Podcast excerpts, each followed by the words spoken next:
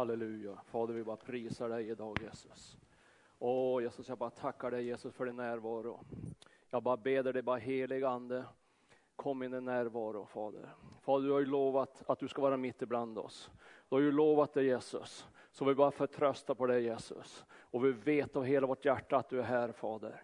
Gud, jag bara tackar dig för var och en som har kommit hit idag. Jag bara ber att du helig ande ska möta behov idag Jesus. Jag bara ber att du helig ande ska fylla någon med glädje idag Jesus. Halleluja.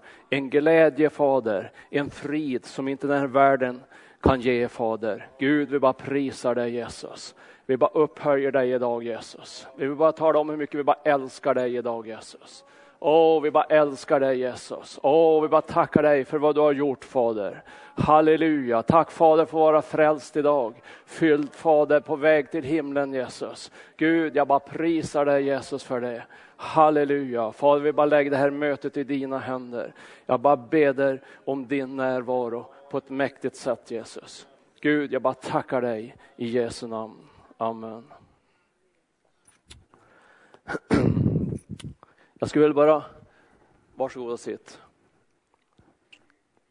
Jag skulle börja ställa en fråga till dig.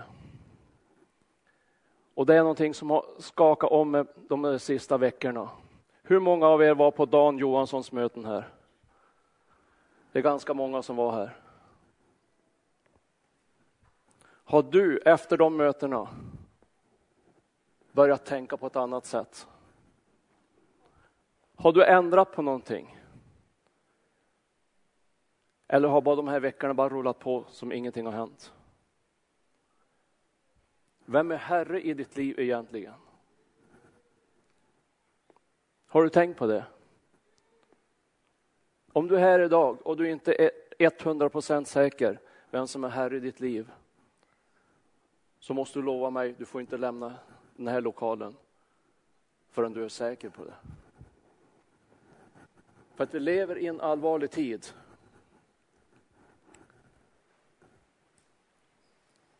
Jag blev lite skakad när Dan predikade här. Vet du att Jesus är på väg? Han är verkligen på väg. Han sa en sak. Att det står att en generation som lever, som upplever att Israel får tillbaka sitt land. Det är under den generationen jag kommer tillbaks. Om det stämmer, då är det inte många år kvar. Då kan du börja räkna. Och då får du börja tänka hur, hur lång är en generation?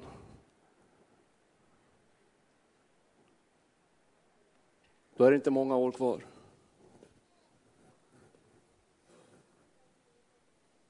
Och då gäller det att man vet vem som är herre i mitt liv.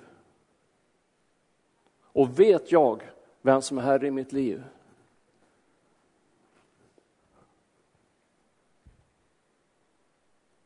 då tror jag att jag vill att fler ska veta det. Då måste jag göra någonting. Det skyndar, det hastar.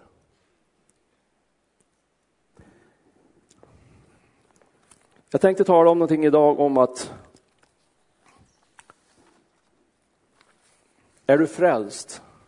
Är du med i en församling?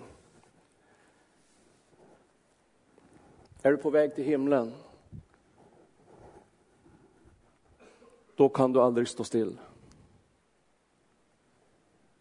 Då kan du aldrig stå still. Då kan du ju aldrig sätta dig på en stol. Och bara uppleva att, åh, jag är frälst. Det går inte. Någonting måste du göra. Jag ska tala om två ord idag. Och det ordet kom. Och det ordet gå. För att du ska göra någonting för en annan människa så måste du först komma. Om du vill ha någonting från Gud, om du vill uppleva någonting med Gud, du måste komma till honom. Men om du vill att en annan människa ska få uppleva någonting, då måste du gå. Du får aldrig stå stilla. Det funkar inte så. Det finns en berättelse i Matteus 14. Du vet precis vad det handlar om. Det är välkända texter. Och det är att Jesus och lärjungarna hade gjort ett under. Jesus mättade 5000 personer. Och efter det så tvingade han dem. Han gav order. Åk över på andra sidan sjön. Sätt er i båten. Det står att han gav order att de skulle åka. Och du vet att de råkade ut för en väldig storm. Det gick väldigt höga, väldigt höga vågor där. När det stormar som mest så kom Jesus och gick på vattnet. Och de blev rädda, för de kände inte igen Jesus. Hur kunde de inte, hur, hur, hur, hur kunde det ha så att de inte kände igen Jesus? Några timmar innan hade de sett honom gjort under och tecken. Men de kände inte igen honom.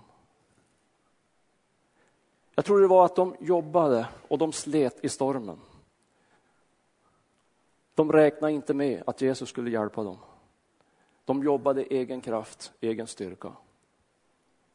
I varje fall så kom han och gick på vågorna och det blåste rejält. Då sa han, var inte rädd, det är ju bara jag. Och då vet du vad Petrus gjorde. Då sa Petrus så här, Jesus, om det är du, då vill jag gå på vattnet. Då sa Jesus så här, kom du bara, inga problem. Han frågade inte liksom, han sa, är du simkunnig? Kan du, vad kan du för någonting? Du kan inte gå på vattnet, det är ju bara jag som kan gå på vattnet. Han sa inte så. Självklart, hoppa över och börja gå. Och det gjorde han.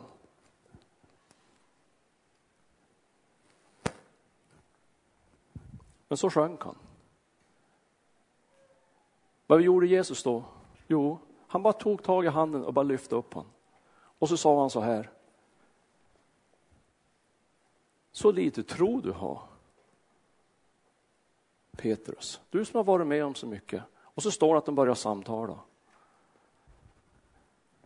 Vet du att ibland får man för sig att när Petrus sjönk, då, bara tog, de, då tog Jesus bara upp honom och bara satte honom i båten. Sitt i båten, du kan ju inte gå på vattnet. Det gjorde han inte. Det var full storm. Kan du se det framför dig? Vågorna gick höga. Ibland var Jesus där, ibland var Petrus där, ibland var han så här. Vet du. Det var ju full storm. För det står ju det, det var ju därför han sjönk. Han var ju jätterädd, Petrus. Och efter det började de att samtala och de stod på vattnet. De stod mitt i stormen och samtalade. Hur lite tro du hade. För det står faktiskt så. Och jag skulle kan tänka mig att, Pet, att Jesus sa till Petrus, kom vi går en liten sväng. Så här gör vi. Så här går ju jag på vattnet.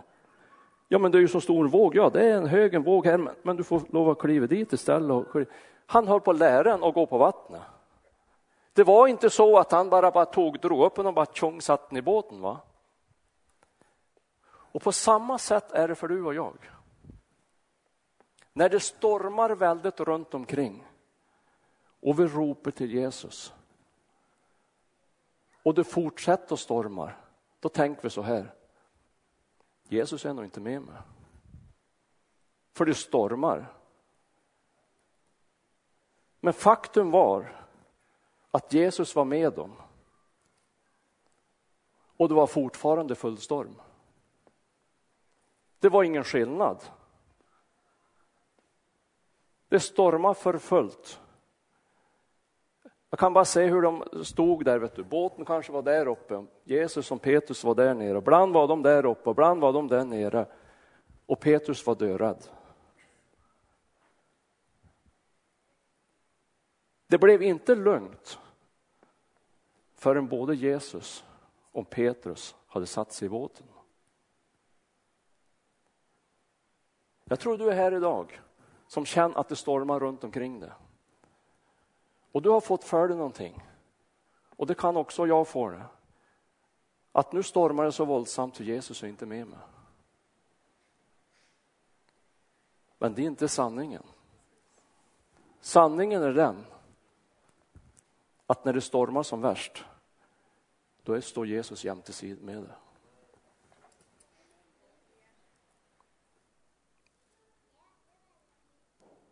Bara för att det blås, bara för att det stormar, så har han inte lämnat det.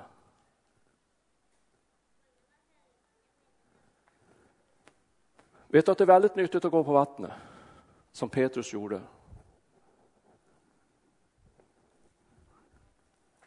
Jag skulle rekommendera det, och det varmaste, att börja gå på vattnet. Det är inte farligt att gå på vattnet. Om du tänkt då, då blir det problem. Då stormar det ju riktigt. Då kommer ju vågorna slå över mig. Inga problem, låt det blåsa och låt det blåsa, för Jesus han är med dig. Men, jag har sagt en gång för, någon gång förut, var noga när du kliver över båtkanten och börjar gå på vattnet. Att du går över på samma sida där Jesus står. För att ibland kan man få för sig, jag går över på andra sidan av båten. Och så tar jag en liten promenad, så möter jag Jesus där. Livsfarligt. Det kan hända mycket på den vägen. Vet du att vad jag tror att det viktigaste för dig och mig, det har en personlig relation med Gud. Att ha den dagliga relationen hemma, att ha den dagliga bönen, det är det viktigaste. Och jag tror att Petrus stärkte den relationen när han var i sjön. Det var då han samtalade med Jesus. Då Jesus började fråga, hur kan du ha så lite tro? Och det där har jag känt många gånger. Hur kan jag ha så liten tro? Jag har varit frälst hela livet. Jag har varit på jättemånga missionsresor, jag har sett mycket folk frälst. Jag har sett många som har blivit helad. Ändå så kan man känna att jag har så lite tro. Vad beror det på? Vet du vad jag tror det beror på? Jag har försummat den dagliga relationen med Gud. Jag har försummat någonting. Det är inte så att Gud har förändrat sig. Det är inte så att Jesus har förändrat sig. Det står ju i Hebreerbrevet, han är ju densamme. Vi tror ju på Bibeln, va? Han har ju inte ändrat sig. Alltså, vad beror det på? Det måste bero på mig. Jag har försakat någonting.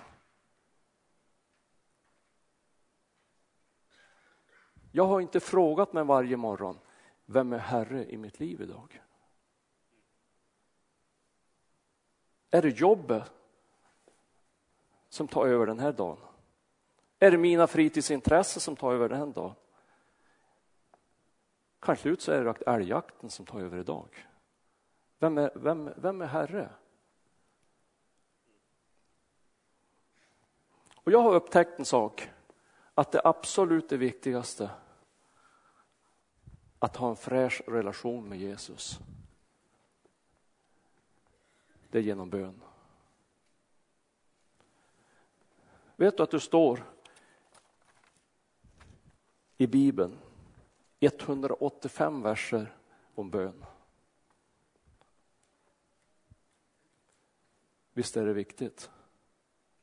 Det måste vara viktigt. Annars skriver man inte i 185 verser om bön. Varför ska vi be då? Markus 1 och 35 står det någonting.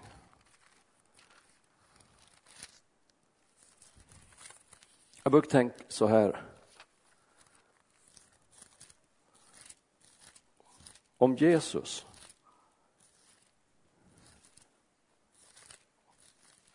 Om han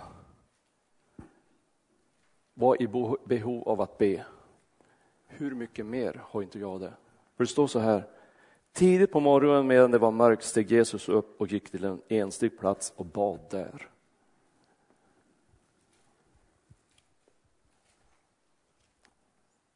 Varför var det så viktigt för Jesus att be? Han var ju liksom son i huset. Jo, han ville stärka sin relation med Fadern. Han ville att det skulle bli starkt.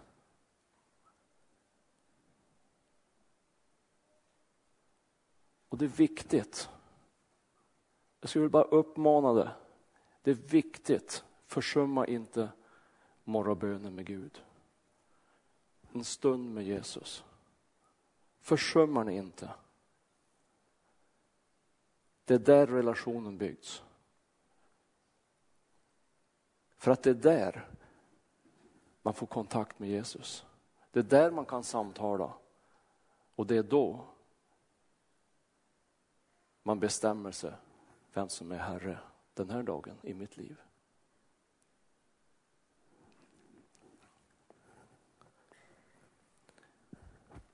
Varför ska vi be då? Ja, en orsak är ju också att vi ska få bönesvar. Det är jätteviktigt.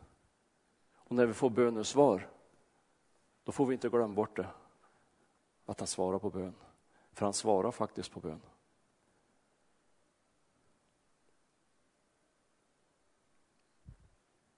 Jag blev så glad när jag hörde det här tacksägelseämnet. I 18 år, tänk dig. I 18 år hade familjen varit separerat. Hur mycket tror du de har bett? Hur mycket tror du de har ropat till Gud? De har säkert haft många förebedjare. Gud svarar på bön. Andra kor 6 står det någonting härligt.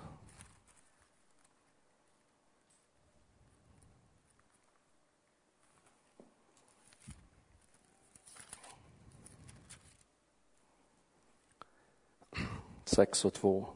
Han säger ju, jag bönhör dig i rätt tid och jag hjälper dig på frälsningens dag. Det finns en, en sång som så går så här. Du mor som ber, fortsätt att be. Du, du mor som ber, ge inte upp.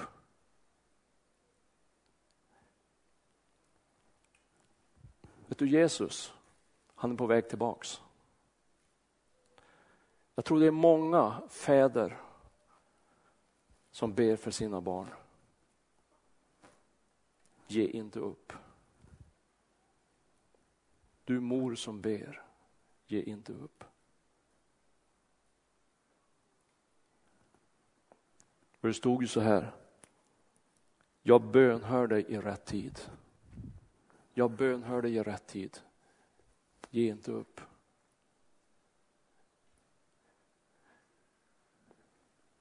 Du kommer ihåg då Petrus var på vattnet. Och det stormade som värst. Då bad han också. Han ropade till Gud. Jesus, jag håller ju på att drunkna. Ser du inte?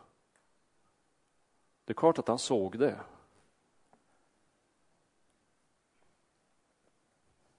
Egentligen kan man ju tänka så här. Det var ju onödigt att Petrus ropade till Jesus. De står ju sida med sida och han säger ju sakta och sakta, han håller på att fara mer och mer. Men han gjorde ingenting. Jesus gjorde ingenting. Han väntade på Petrus. Han ville ha den där relationen. Jesus väntar på dig. Du ska ropa till honom. Ge inte upp.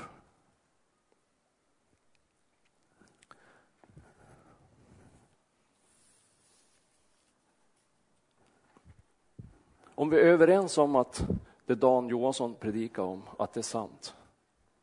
Om vi tänker så här att, ja det han predikar, han har insyn i det här, han har studerat det här, han vet lite grann. Och ja, Han predikade det var sant.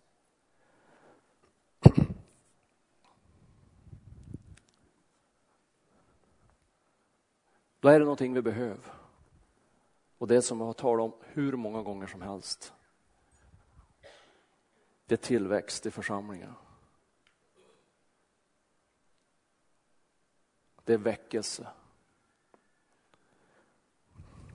Vet du, när min mamma blev frälst på 51, tror jag, 50-51, hemma uppe i Sörflärk i min by.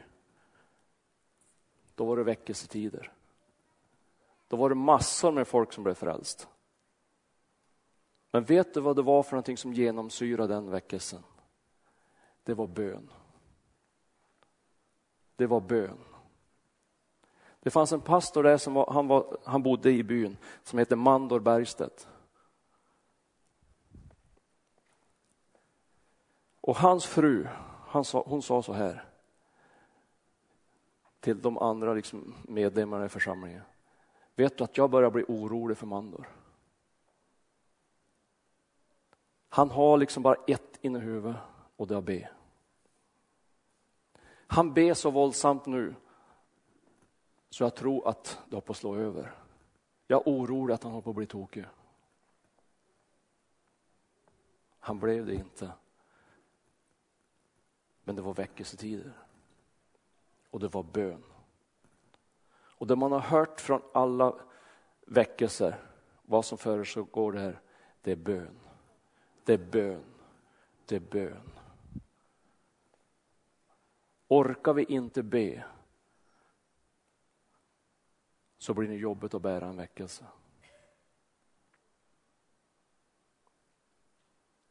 Nu är det här ingenting jag kan bara säga att nu sätter vi igång och be. Va? Men vi kan börja be att bönens ande börjar genomsyra oss. Att bönens ande får drabba oss. Om jag har så mycket tid, jag har så mycket jobb, jag har så mycket, jag hinner inte. Gud kommer att fixa med tiden. Bara du vill i hjärta. Det är det det handlar om.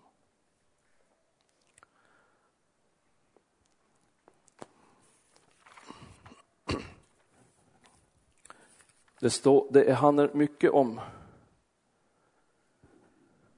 det handlar mycket om, det här står mycket, många ställen om att du ska komma till Jesus.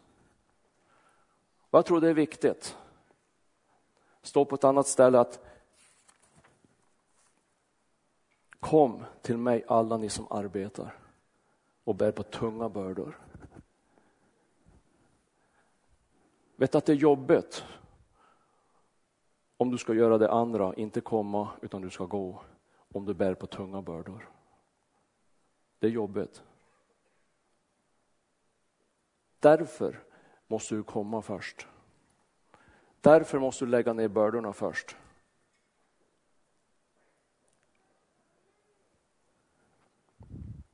Det står ett annat ställe, Jeremia 31 och 25. Jag ska trötta, jag ska stärka trötta själar. Han ska mätta trötta själar. Han ska möta det. Gud vill att du ska må bra. Gud vill att du ska ha frid på insidan. Gud vill det bästa för dig.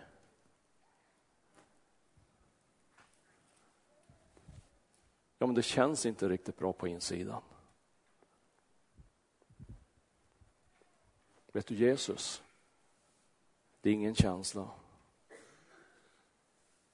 Jesus, det, det handlar om tro. Om du ska få den där bergfasta liksom, övertygelsen att Jesus förmår. Den byggs när du går på vattnet. Då du är beroende av honom. När du kan ingenting själv. Du måste bara ropa till Gud.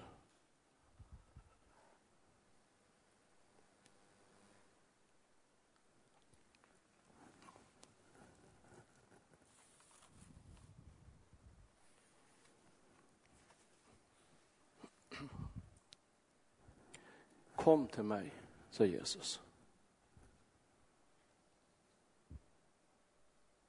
Det spelar ingen roll vilka behov du har. Om du vill gå på vattnet. Egentligen var det ju inget andligt när Petrus gick på vattnet. Egentligen, det var, vad var det egentligen? Han gjorde inga mirakler, han gjorde ingenting. Han, det var inte att han lyfte någon annan människa. Egentligen var det ju inte det. Men han hade en dröm. Jag vill gå på vattnet med Jesus.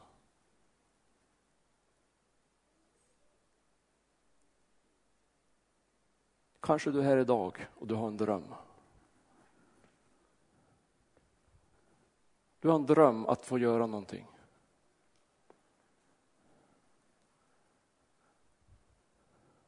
Jag tror Jesus vill uppfylla den drömmen. Vet du, jag har haft många drömmar i mitt liv som har blivit uppfyllda. Och det har inte varit liksom att jag, det har inte varit något märkvärdigt. Men det har stärkt relationen med Jesus. Det har byggts någonting.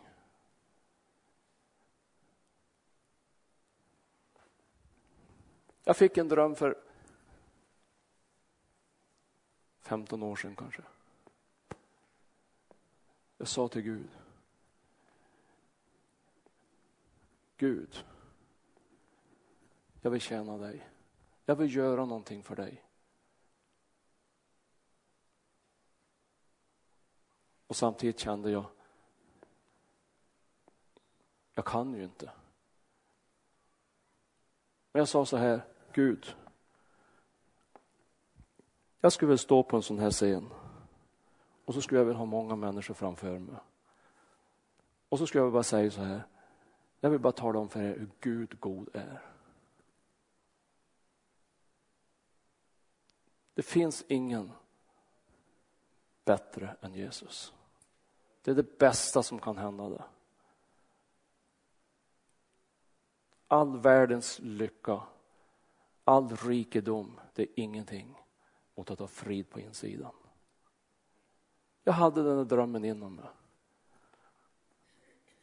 Jag sa det inte till någon. Jag har inte sagt det till någon. Jag har varit på många teamresor. Men jag vet ett möte jag var på. Stod på en sån här scen, jag tror kanske 200 stycken. Knagglig engelska, dålig på alla vis. Men vet du, det var just då drömmen gick i uppfyllelse. Jag sa ingenting, inget speciellt mer än så. Men jag bara kände, Gud, drömmen gick i uppfyllelse. Och jag vet, jag var med pastor Thomas då, han har ju gjort det mycket bättre än mig, det var inte så ont. Men vet du en sak? Relationen med Jesus stärktes. Jag kände jag stod på vattnet. Jag var på halvvägs vattnet upp till knäna nästan. Men relationen byggdes.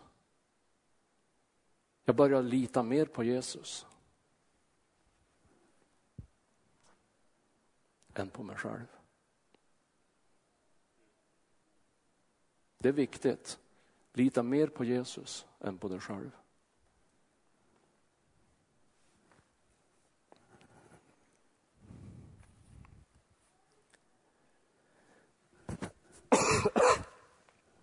Det står på många ställen i Bibeln om att vi ska gå ut. Och det är det andra ordet. Du måste gå. Det finns liksom ingenting att välja på. Är du frälst måste du gå. Någonstans måste du gå.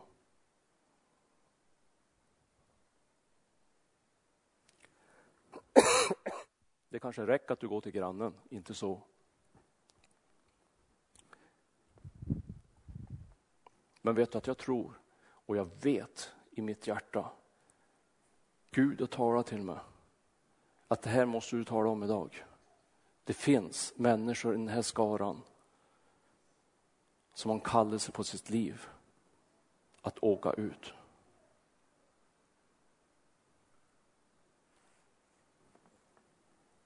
Du vet det. Du blir påminn om det gång på gång. Gud har kallat dig att åka ut på mission. Men du åker inte av ena eller andra orsaken. Ibland verkar det som att då du diskuterar det här med Gud så har du sådana fina och sådana bra ursäkter och det verkar precis som att det är rätt. Men i botten finns det en kallelse. Tänk på Dan Johansson. Jesus kommer snart. En annan sak som är viktig när vi går ut och det är det här bibelordet som står där det sägs så här att försumma inte nådegåvorna som är lagt ner i ditt liv. Försumma dem inte. De, du har fått dem av en orsak.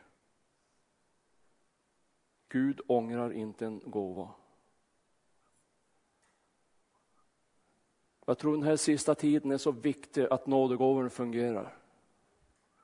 Och Gud har lagt någonting på ditt hjärta. Gud har lagt en gåva i ditt hjärta. Du vet det bäst själv. Men du vet att du har någonting på insidan. Du kanske har något profetiskt. Du kanske har något, en annan gåva. Men den har tystnat. Den har tystnat av ena eller andra orsaken. Och du tänker så här.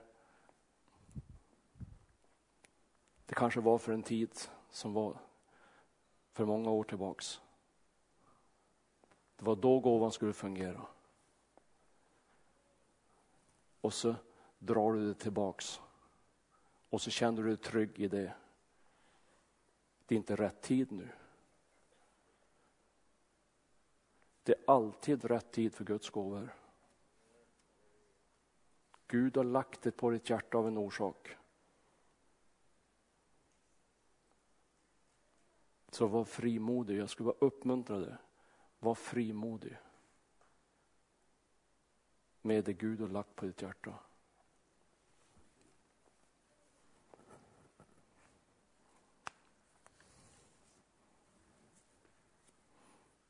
Det står ju på, i Matteus 28, missionsbefallningen, att vi ska gå ut. Ja, men jag kan ju ingenting. Jag är ju, äh, jag är inte lagt åt det hållet. Jag har inte den läggningen. Jag kan inte predika. Det finns inga ursäkter. Du måste gå. Som troende får du inte stå stilla. Du får inte stanna upp.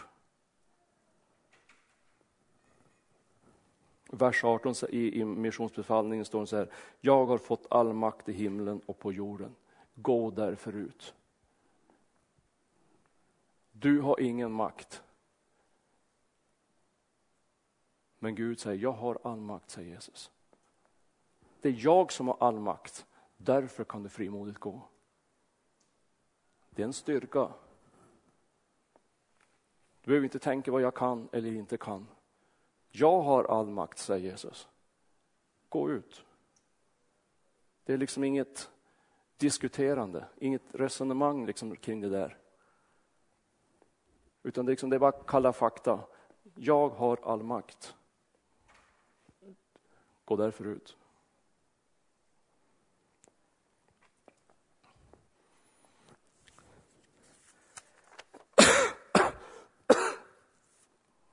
Vet du att det är, nat det, det är naturligt för en troende att komma och gå.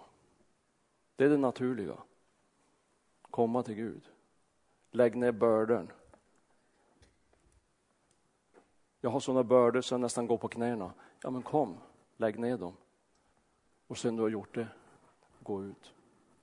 Kom och gå, det är det naturliga.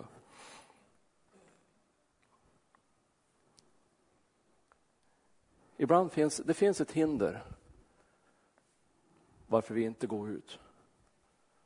Och det hindret, det har jag känt många gånger.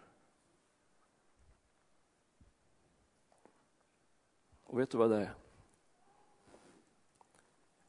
Det är precis som Emmausvandrarna upplevde. Kom du ihåg med Emmausvandrarna? Jesus hade blivit korsfäst och de var på väg till en by och de gick och samtalade vad som hade hänt. Och så kom Jesus, kom jämte dem och så började man prata och så gick de. De gick ganska långt. Och det gick så långt så de sa så här till Jesus. Du måste vara den enda som inte vet vad som har hänt i Jerusalem. Och då var det Jesus själv. Visst var det märkligt? De hade varit lag flera år. De hade sett undra tecken och mirakler. De hade sett att de hade rest upp döda. De kände den så väl. Men ändå gick de kilometer på kilometer och bara stirrade ner i backen. Du måste ju vara den enda som inte vet vad som har hänt. Visst var det märkligt? Vet, jag tror det där är många gånger, så är det med du och jag.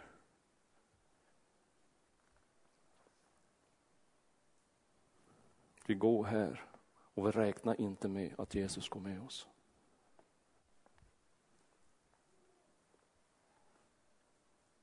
Du räknar inte med att han är vid din sida.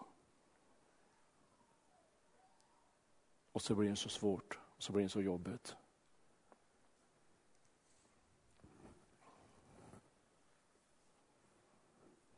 Det finns en annan grej som vi inte som vi inte anammar, som vi inte gör rätt. Och det är, tänk på Naman. Vet du vem Naman var? Det var en krigsherre. Det var en stor man, en mäktig man. Folk såg upp till honom. Men vet du att det fanns en, men det var ett fel med honom. Det var att han fick spetälska. Och så hade de tagit en liten flicka på 15 år som slav. Och vet du, den där flickan, och fick förmedla någonting till, till Naman. Hon sa så här. Du måste gå till gudsmannen för att bli frisk. Till slut så gjorde Naman det. Och sen när han kom till gudsmannen innan då hade han föreställt sig hur det här skulle gå till. Han hade åkt lång väg. Så satt han i hästvagnen och skumpade på där. Så satt han och tänkte, ja så här ska det gå till. Nu ska gudsmannen komma ut. Och så ska han stryka med handen över ryggen på mig. Och så ska spetälskan fara. Men det gjorde inte gudsmannen. Vad gjorde han? Han skickade en tjänare. Han kom inte ens ut. Han har åkt flera, flera dagar och han kom inte ens ut. Och så skickade han en tjänare och så sa, gå och doppa dig i floden sju gånger så blir du frisk. Aldrig sa Naman. Jag gör det inte, det går min ära för när. Så där är du och jag ibland. Vi, ber, vi säger inte så här, ske din vilja. Det gjorde inte Naman. Det naturliga har väl varit att han har sagt så här, ske din vilja Gud, bara jag blir frisk. Det spelar väl ingen roll på vilket sätt jag blir frisk.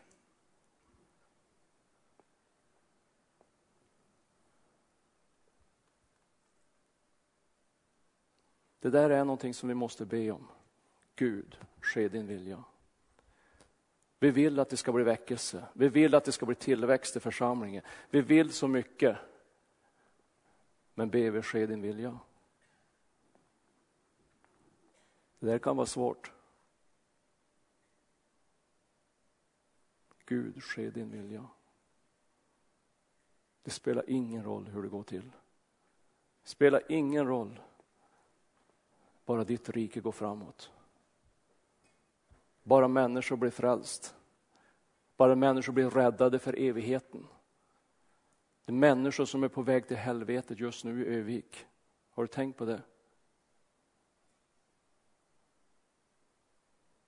Börja räkna på en generation från år 48 får du se vart du hamnar någonstans. Det där tog tag i mig. Deltalar 2012. Deltalar om tio år. Del om kanske fem år. Ingen vet det. Men det är närmare än vad vi tror. Vi måste börja be, Gud, ske din vilja. Gud, ske din vilja med mitt liv. Gud, ske din vilja med församlingen. Gud, ske din vilja. Jag bara beder dig. Jag bara ropar till dig. Ske din vilja bara. Gör det på ditt sätt. Säger du att vi ska gå och doppa oss sju gånger i floden, då gör vi det. Säger du att vi ska doppa oss 70 gånger, då gör vi det. Gud, ske din vilja. Jag tror det är mycket det handlar om.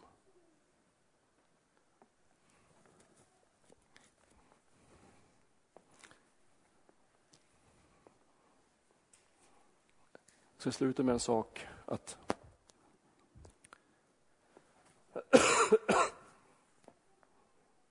Hur mycket en människa förmår egentligen.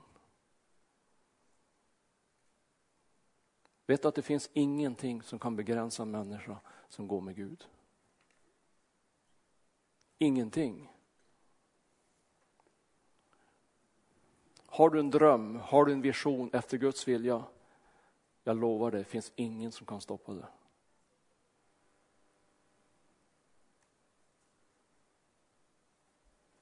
Är det någon som har läst tidningen Inblick? Mamma min hon har tidningen Inblick, så hon brukar komma till mig med när hon har läst den. Jag tyckte det stod någonting häftigt där sist. Nej, det var inte kanske sista numret. Det var en holländare som heter John. När han var 24 år fick han en dröm eller en vision. Jag ska bygga en båt. Jag ska bygga en arken. Sen ska jag ta den där båten så ska jag gå från hamn till hamn, hamn till hamn. Ska predika om Jesus. Då var han 24 år.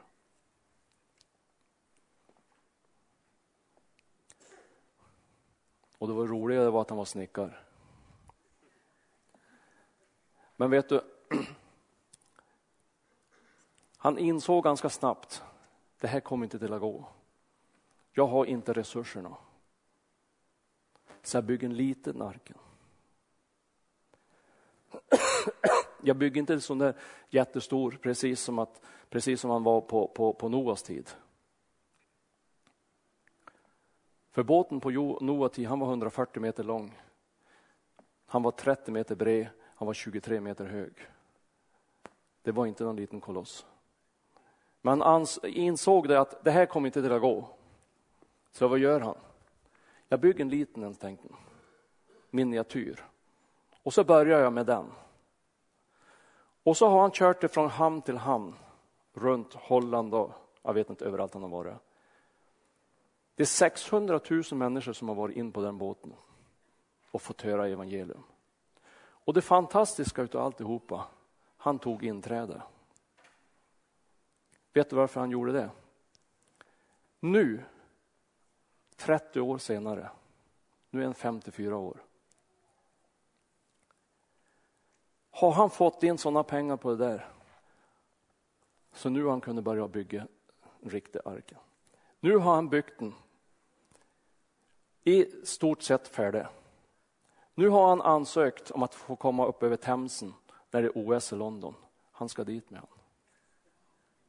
En människa, en snickare, tänk på det. En snickare byggde båten 140 meter lång. Han har varit i Småland och utvalt granar där, för han har byggt den helt i gran. Och så sen har han smetat på träkärra på den. Och så har han, han är så stor och tung så det finns ingen motor som kan dra honom. Han är så tungrodd. Så han har två båtar, stora båtar som drar bogserbåtar som drar då han far. En människa. Han hade en dröm. Han hade en vision. Det finns ingenting som kan stoppa en människa som har en dröm och vision med Gud.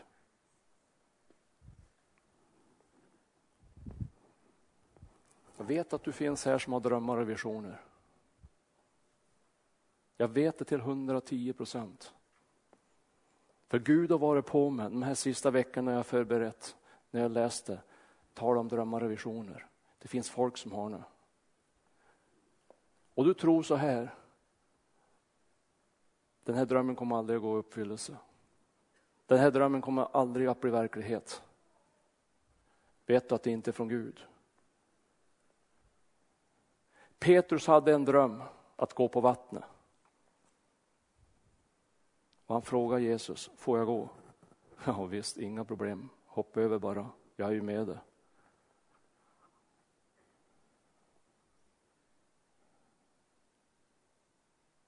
Det är tid. Det är tid för din dröm att gå i uppfyllelse. Gud har inte lagt någonting på ditt hjärta bara för att det ska rinna ut i sand. Kom ihåg det. Gud har lagt någonting på ditt hjärta av en orsak. Att drömmen ska gå i fullbordan. Att visionen ska gå i fullbordan. Ja, men nu är det så många år sedan jag fick den. Det är så avlägset. Det håller på att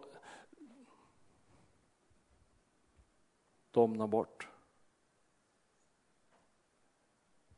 Gud ångrar ingenting, tänk på det. Gud ångrar ingenting.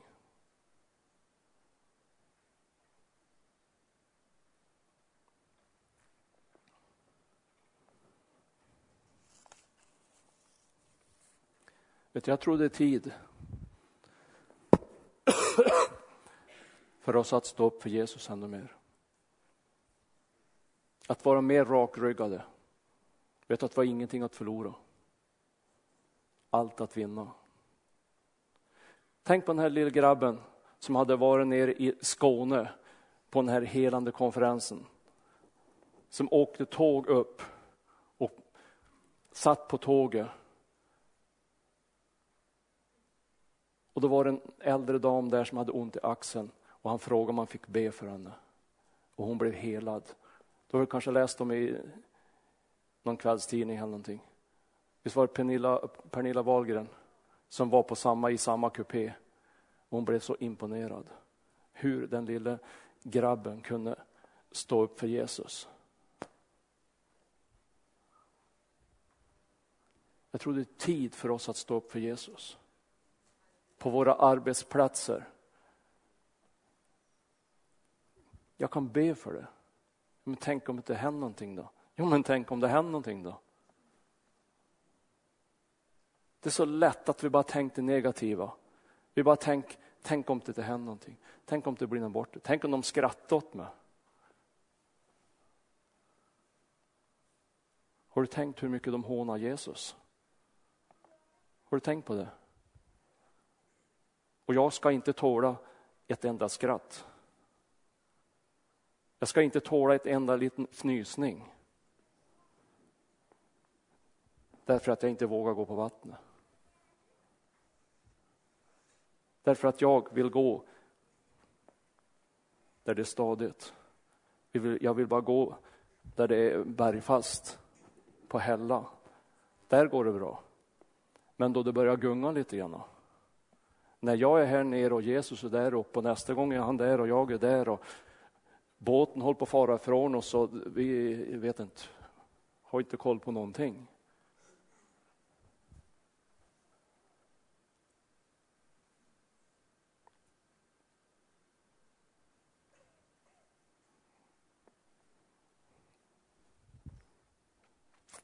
Jag skulle ha sagt med det här, det är att det är tid för du och jag att göra någonting för Jesus som vi inte har gjort förut.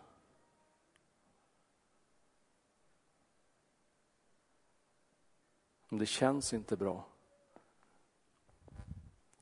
Hörde en predikant som sa så här, jag sa det tidigare, att Jesus det är ingen känsla.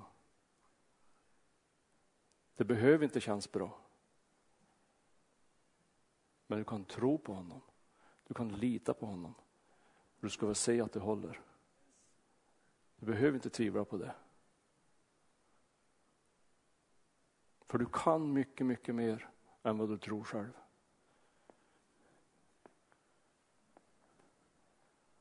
Ofta säger vi så här. Jag behöver Gud.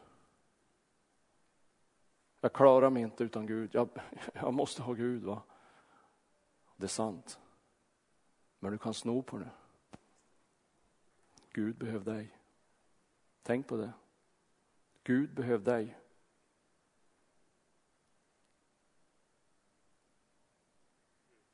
Han kanske nästan behövde du mer än vad du behöver han. För tänk mycket som kan multipliceras genom dina händer. En man kan bygga en båt på 140 meter.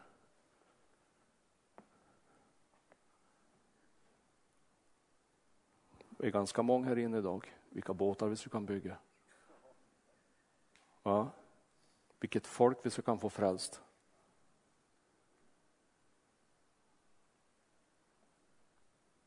Men det är så lätt att tänka och säga, det där får någon annan göra. Det där får pastorn göra. Det är liksom inte på mitt bord va? Jo, det är på ditt bord. Jesus kommer snart. Jesus kommer snart. Det kanske är år. Vad vet jag? De som kan det där, de säger det finns inga hinder. Förut har det funnits olika hinder. Det och det profetian har inte gått till fullbordan. Det och det har inte gått som det ska. Idag finns det inga hinder. Det kan ske. Men då är det frågan, tror jag på det?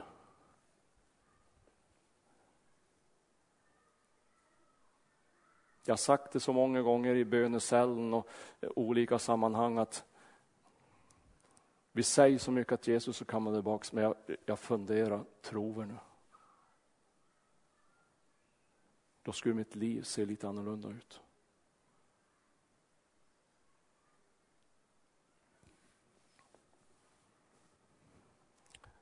Tror vi ska sluta där. Vi ska Lovsångaren kan komma upp.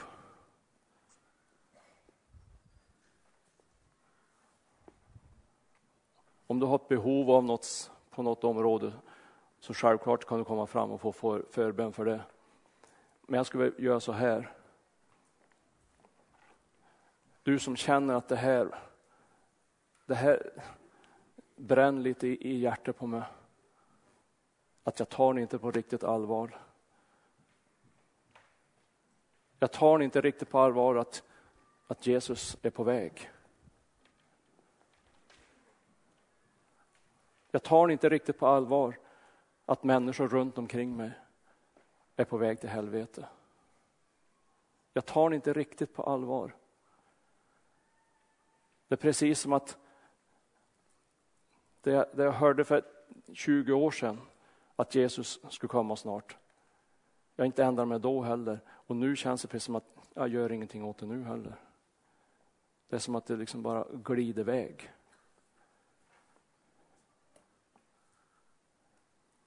Jag skulle bara vilja att vi bara, att vi bara står upp och du som känner på det viset. Gud, jag vill ha en förändring. Gud, jag vill inte bara att det ska vara likt. Jag skulle vilja att du bara kom fram och bara ställde här. Jesus, det här, den här dagen, det ska vara ett avstamp för mig. Jag vill ändra på någonting. Jag vill inte att morgondagen ska vara lik som före måndagen. Gud, jag vill bara aktivt börja och be för människor att de ska bli frälsta. För jag vill ha väckelse. Jag vill ha någonting. Det har gått så många år, jag har frälst så många år. Och nu börjar de att tala om att Jesus kanske kommer om några år. Du får inte stå stilla. Först måste du komma, sen måste du gå. Är du här och inte frälst, om du inte är riktigt hundra procent säker på vem är Herre i mitt liv? Du får inte gå ut förrän du vet vem som är Herre i ditt liv. Idag är frälsningens dag. Du vet ingenting om morgondagen. Det går så fort benen bara slår undan en, du vet ingenting. Men idag är frälsningens dag.